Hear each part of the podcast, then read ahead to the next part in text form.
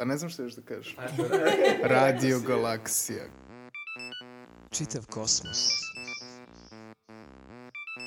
Slušajte vesti iz svemira i njegove okoline.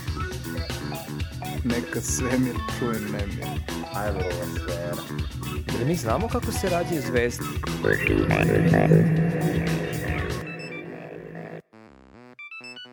Slušate naučni megafon. Naučne vesti Radio Galaksije.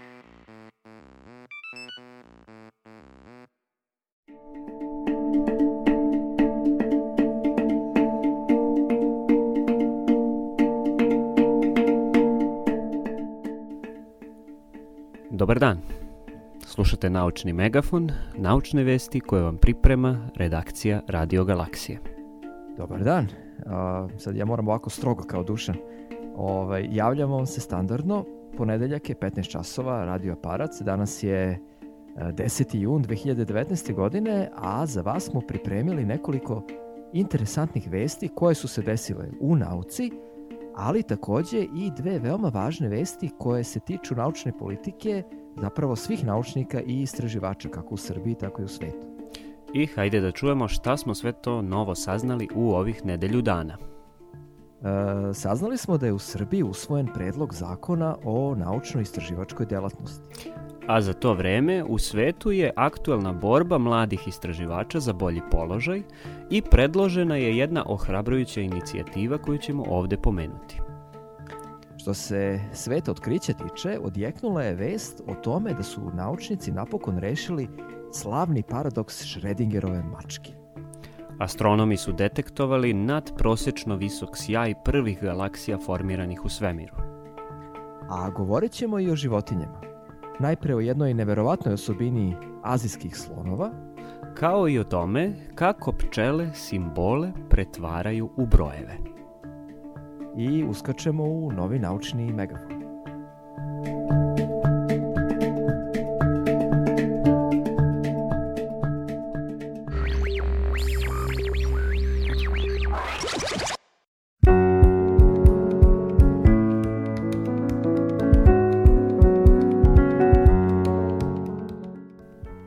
Emisiju počinjemo informacijom koja se tiče svih istraživača koji rade u Srbiji.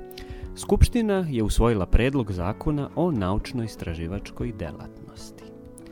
E sad, prethodnih nekoliko meseci bila je prava bura oko ovog predloga zakona. Ukratko, država hoće da reguliše i navodno unapredi kvalitet istraživanja u Srbiji, ali deluje da baš i nije imala pravi plan kako to da učini. I to tako već unazad dobrih 7-8 godina. Izdvajanja novca su vrlo mala, premala u odnosu na svetske standarde, ali deluje da pored novca još veći problem predstavlja i zastareo model zakona koji je predložen. Pa, tako nekako. A, slušalcima koji možda nisu u toku sa svim ovim, treba samo da napomenemo možda dva bitna problema koje su se pojavili kada je ministarstvo izašlo sa predlogom ovog zakona.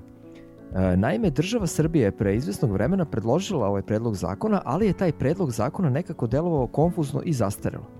Takođe, e, država je prilično diskriminisala istraživače koji su stariji od 30 godina, e, onemogućavajući im da se prijave na korišćenje doktorskih stipendija, što je vrlo, mislim, česta praksa kako modern svet upravo želi da iskoreni.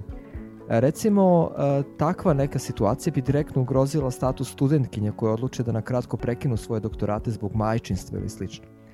A, takođe, ovaj, druga problematična ideja koja se javila je bila da se e, svim e, istraživačima ili doktor, doktorantima, odnosno studentima koji su zaposleni na fakultetima, e, ta pozicija ukine i da se oni nekako prebace na institute. Međutim, problem je što instituti nemaju u Srbiji kapacitet da prime sve te mlade istraživače, e, tako da se pojavila jedna opravdana bojazan da bi većina mladih e, naučnika u Srbiji ostala zapravo bez posla.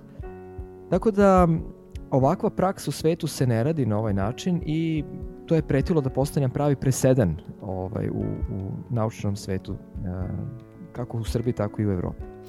I izgleda da je nakon višemesečne rasprave bar ovaj drugi deo problema nekako premošćen. Državni sekretar Ministarstva prosvete, Vladimir Popović, izjavio je da su uvažili zahteve istraživača sa fakulteta i da su za sve studente doktorskih studija, bez obzira na to da li su na fakultetima ili institutima, predvideli da budu finansirani od strane ministarstva sve dok ne doktoriraju. Predviđeno je sigurno finansiranje i za istraživače na fakultetima koji su u naučnim zvanjima i koji su u nastavi. Popović je rekao da očekuje da će zakon biti usvojen do kraja juna. Eto, to je ono što su predstavnici ministarstva izjavili. Međutim, ostaje da se vidi da li će ovakve mere zaista i poboljšati položaj istraživača kao i kvalitet istraživanja. Pa, znaš kako, pre 10 godina, možda se sećaš kad je UNESCO objavio tu svoju analizu, ovaj, Srbije je bio predviđen pravi naučni bum. I tada je naša zemlja bila svrstavana u grupu takozvanih nadolazećih naučnih zvezda, odnosno zvezda nauka usponu, zajedno sa Brazilom, Rusijom, Turskom i tako dalje. Mhm. Međutim, ovaj, umeđu vremenu se nije baš, nažalost, puno toga uradilo pozitivnog. Srbija trenutno kaska za tom prvom Evropskom ligom nauke i mora ozbiljno da radi da bi popravila svoj uh, rating. U svakom slučaju, ova vest će narednih meseci svakako još više da bude u žiži uh, u našoj zemlji jer čini osnovu jednog ciklusa istraživanja koji treba da budu sprovedena u budućnosti. Međutim, izgleda da istraživači nemaju samo problem u Srbiji, već i u svetu, zar ne? O tome govorimo u ovoj drugoj vesti. E, tako je, položaj mladih istraživača, pogotovo onih koji rade doktorate i takozvanih junior researcher na početku samostalne naučne karijere, e, nije idealan čak ni u razvijenim zemljama. E, ukratko razlog je taj što broj doktoranata odnosno studenta koji rade svoje doktorate u prirodnim i društvenim naukama u svetu raste i to neumitno raste, dok se broj stalnih pozicija na koje oni kasnije mogu da se zaposle ne menja gotovo decenijama.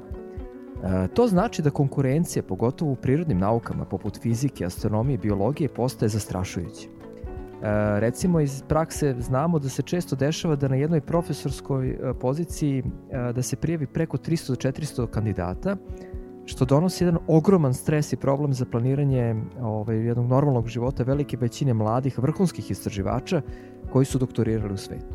Dakle, mora brzo da se deluje, da bi imalo smisla školovati sve te ljude. U suprotnom, sve deluje kao iskorišćavanje relativno jeftine, da kažemo, radne snage.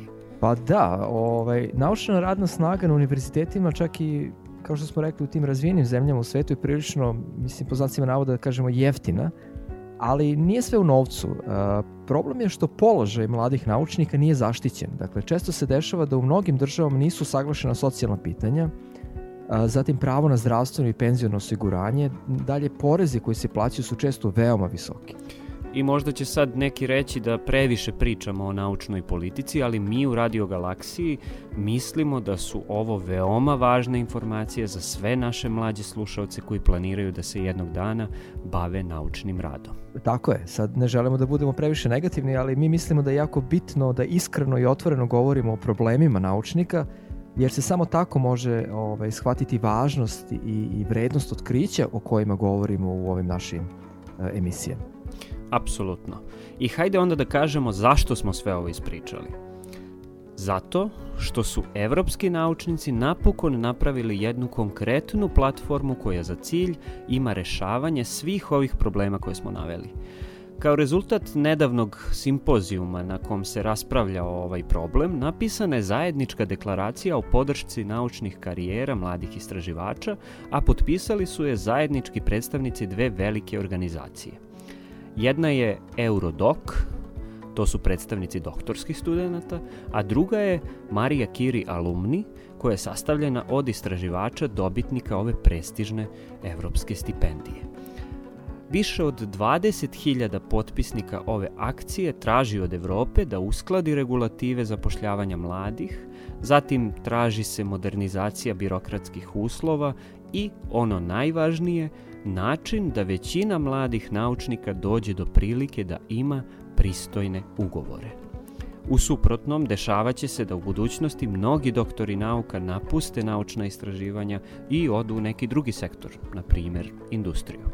E, sad mi je palo na pamet, ovaj, šta misliš, e, šta bi rekao koliko ukupno istraživača radi na institucijama u zemljama Europske unije.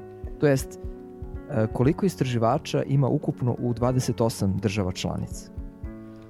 Uf, ne znam da li bih mogao da pogodim, ali ajde, ajde probam. Znači, na primer, u Srbiji radi oko 6-7 hiljada možda.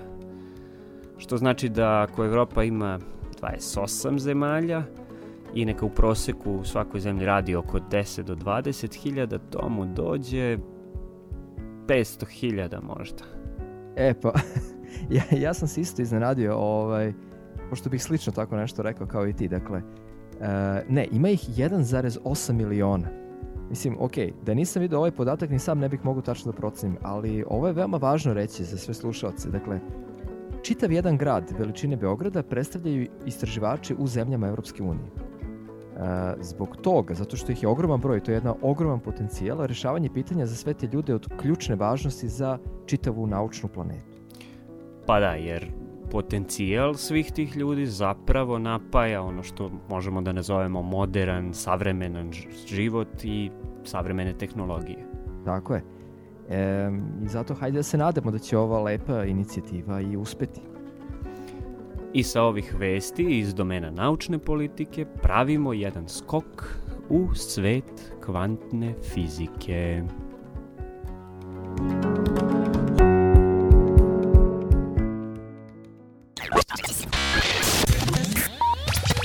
Ovo što slušate je Naučni megafon. Naučne vesti Radio Galaksije.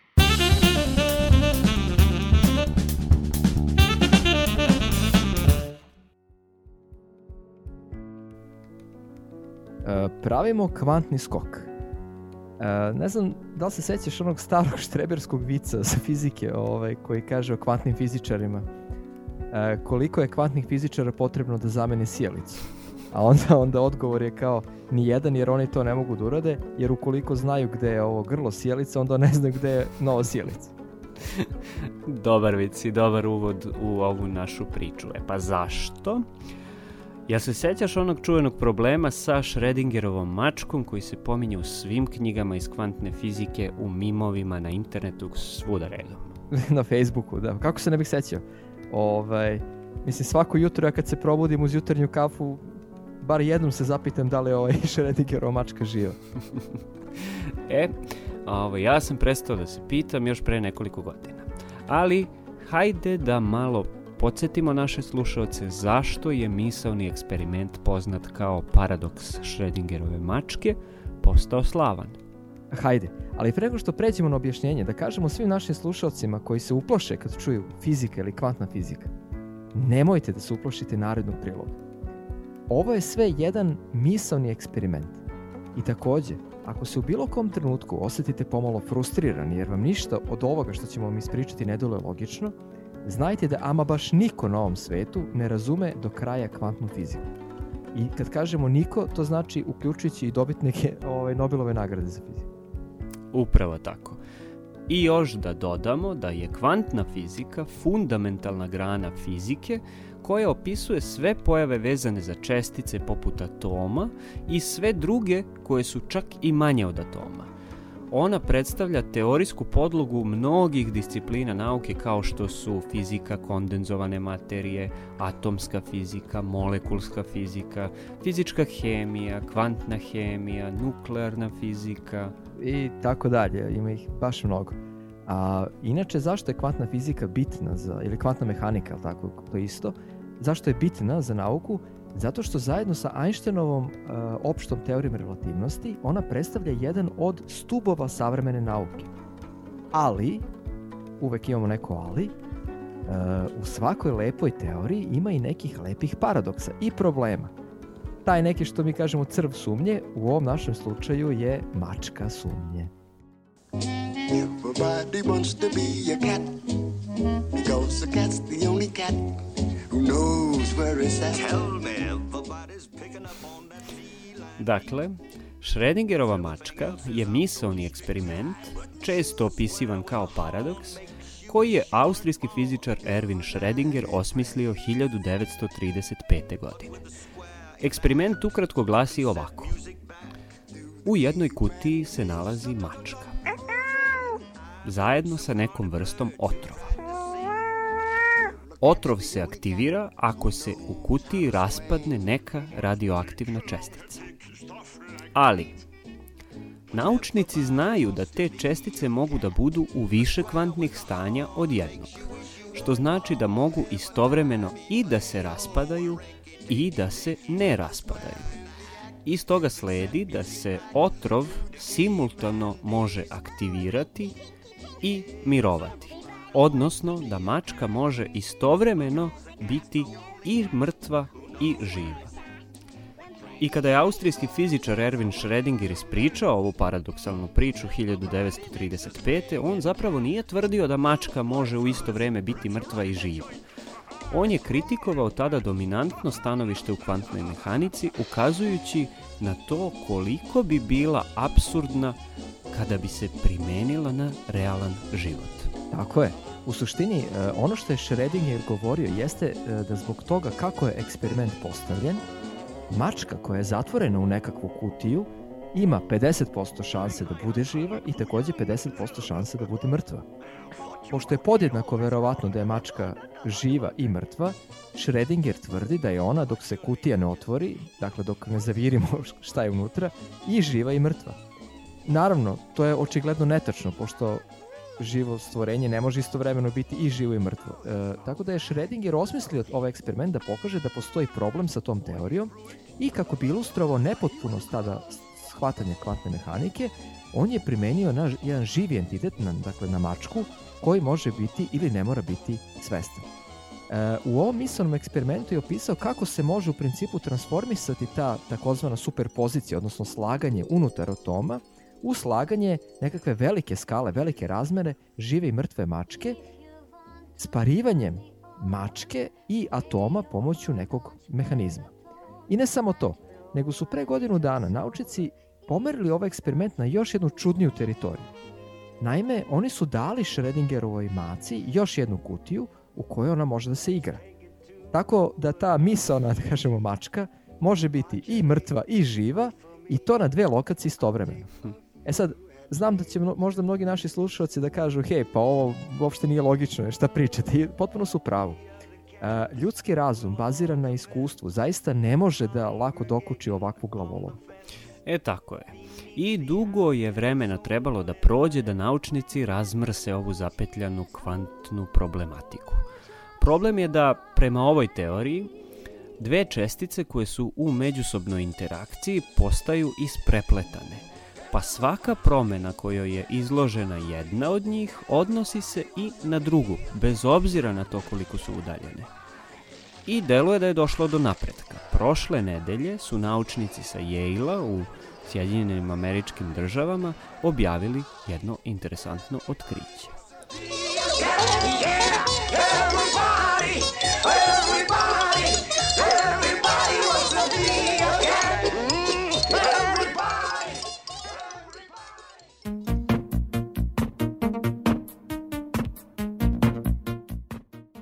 Tim iz Yale-a napravio je malu komoru sa dve pregrade od aluminijuma koje su povezali sa super provodljivim čipom napravljenim od safira.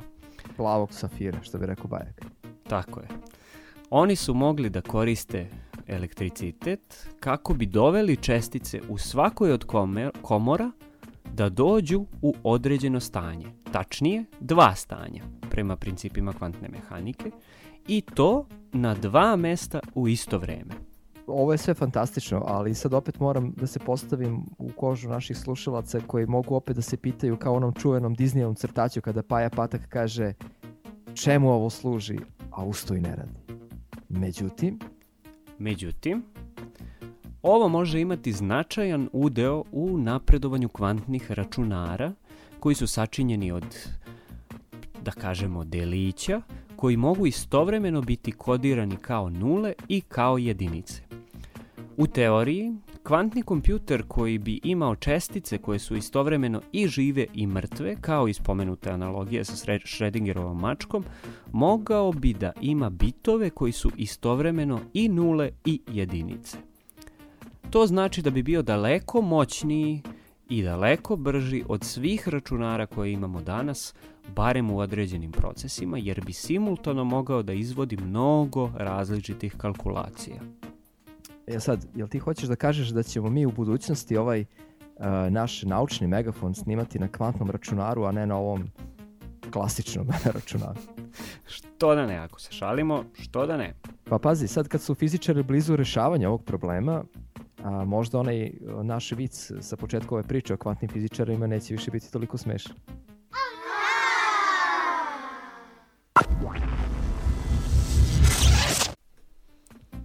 Dok ne dostignemo ove super brze kompjutere, hajde da vidimo šta super brze pčele imaju da nam kažu.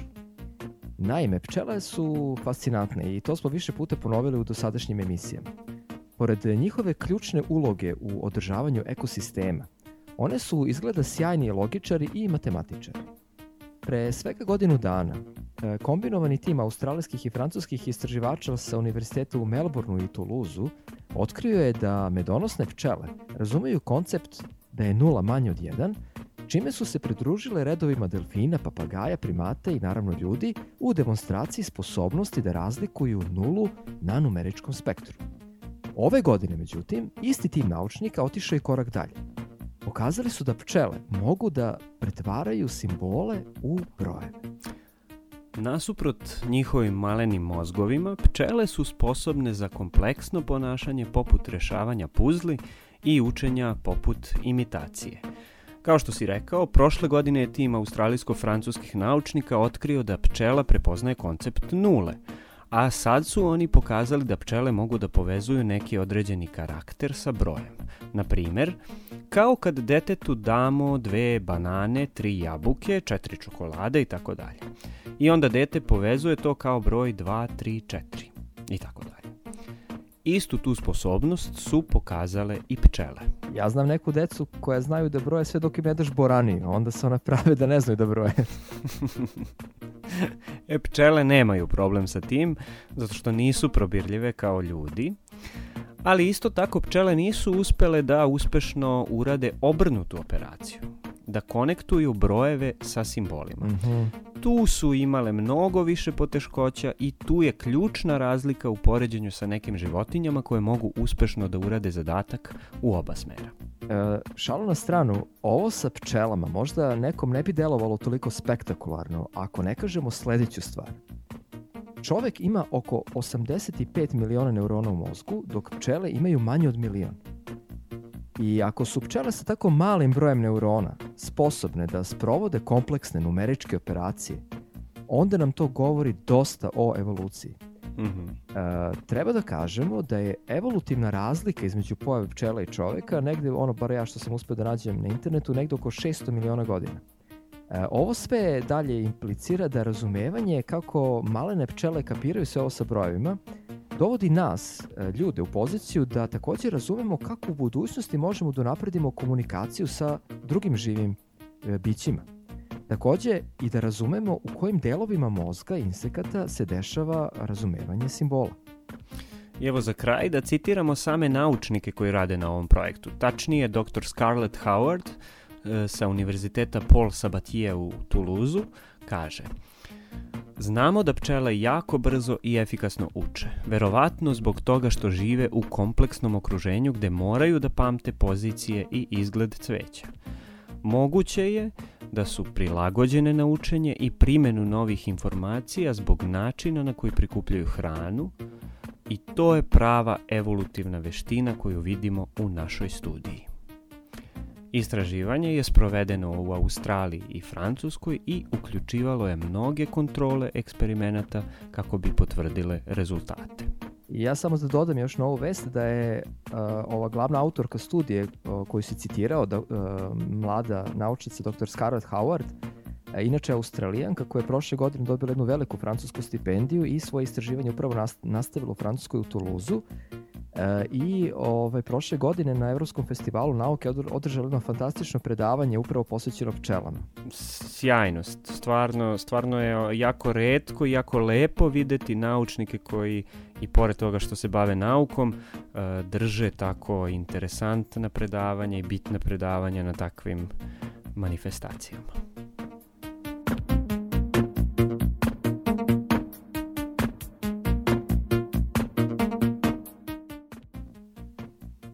Ostajemo u domenu evolucije, ali ovog puta govorimo ne o evoluciji životinja, već kratko prelećemo preko evolucije galaksije. Da, da. Još jedno izuzetno otkriće američkih astronoma. Oni su, koristeći svemirski teleskop koji je NASA konstruisala, koji se zove Spitzer, odlučili da su prve galaksije u svemiru izuzetno sjajne i da ih ima na desetine, iako teorija predviđa svega par takvih objekata. Hajde da kažemo slušalcima zašto je to toliko važno i neobično. E, pa pojednostavljeno rečeno, galaksije e, evoluiraju kao i ljudi. To smo u jednim od prethodnih emisija Megafona i otprilike ispomenuli kako se sve to dešava. A kada se rode, dakle one su kao poput beba, jako su male i ovaj, treba im određeno vreme da porastu i počnu da budu sjajni. U obdaništu recimo sva deca znamo da imaju približno sličnu visinu i kilažu, dakle nemamo primjer da u obdaništu postoji neko dete koje je visoko 2 metra ili teško 50 kg. Da. E, upravo je to ono što su američke kolege otkrile. Dakle, otkrile su mlade galaksije, tako reći bebe galaksije, dakle, galaksije koje su rođene izuzetno rano u svemiru, dakle u, sve, u delu svemira kad je on bio veoma mlad, ali e, američki astronomi su opazili te galaksije kako imaju ogromnu masu i ogrom, ogromnu sjajnost. E, te galaksije formiraju preko stotinu zvezda sunčevih masa tokom samo jedne godine svog života.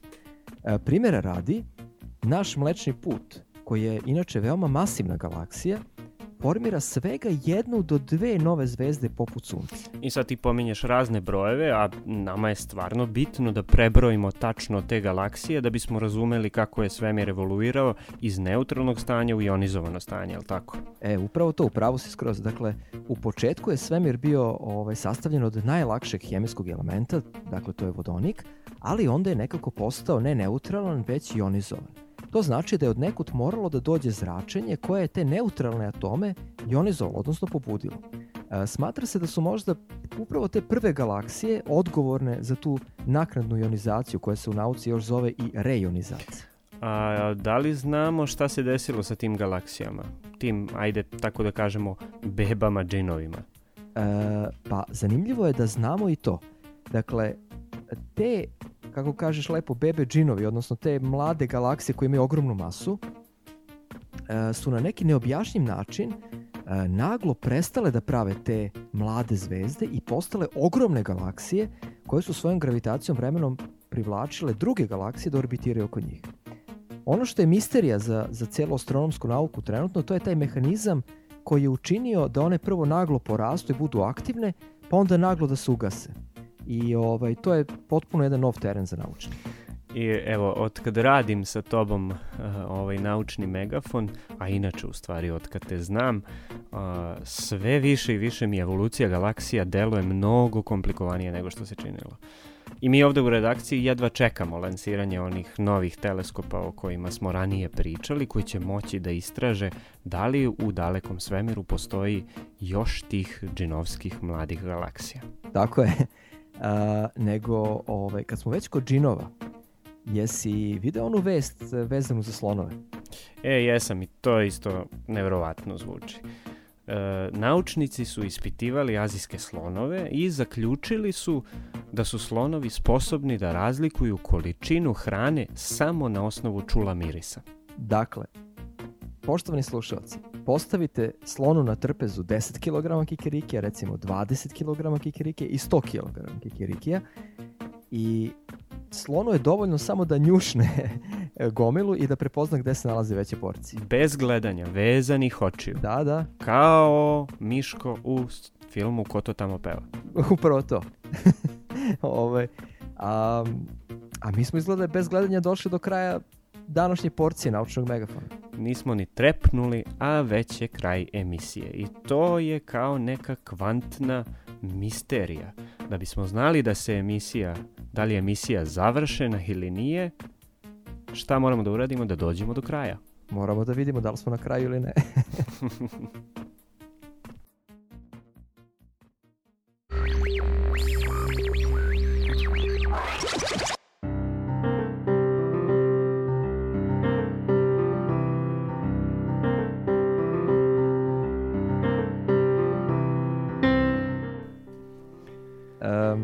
poštovani slušalci, bilo je ovo sve za današnje izdanje Naučnog megafona. Do sledeće emisije čuvajte pčele, čitajte o slonovima i galaksijama, rešavajte recimo paradoks Schrödingerove mačke.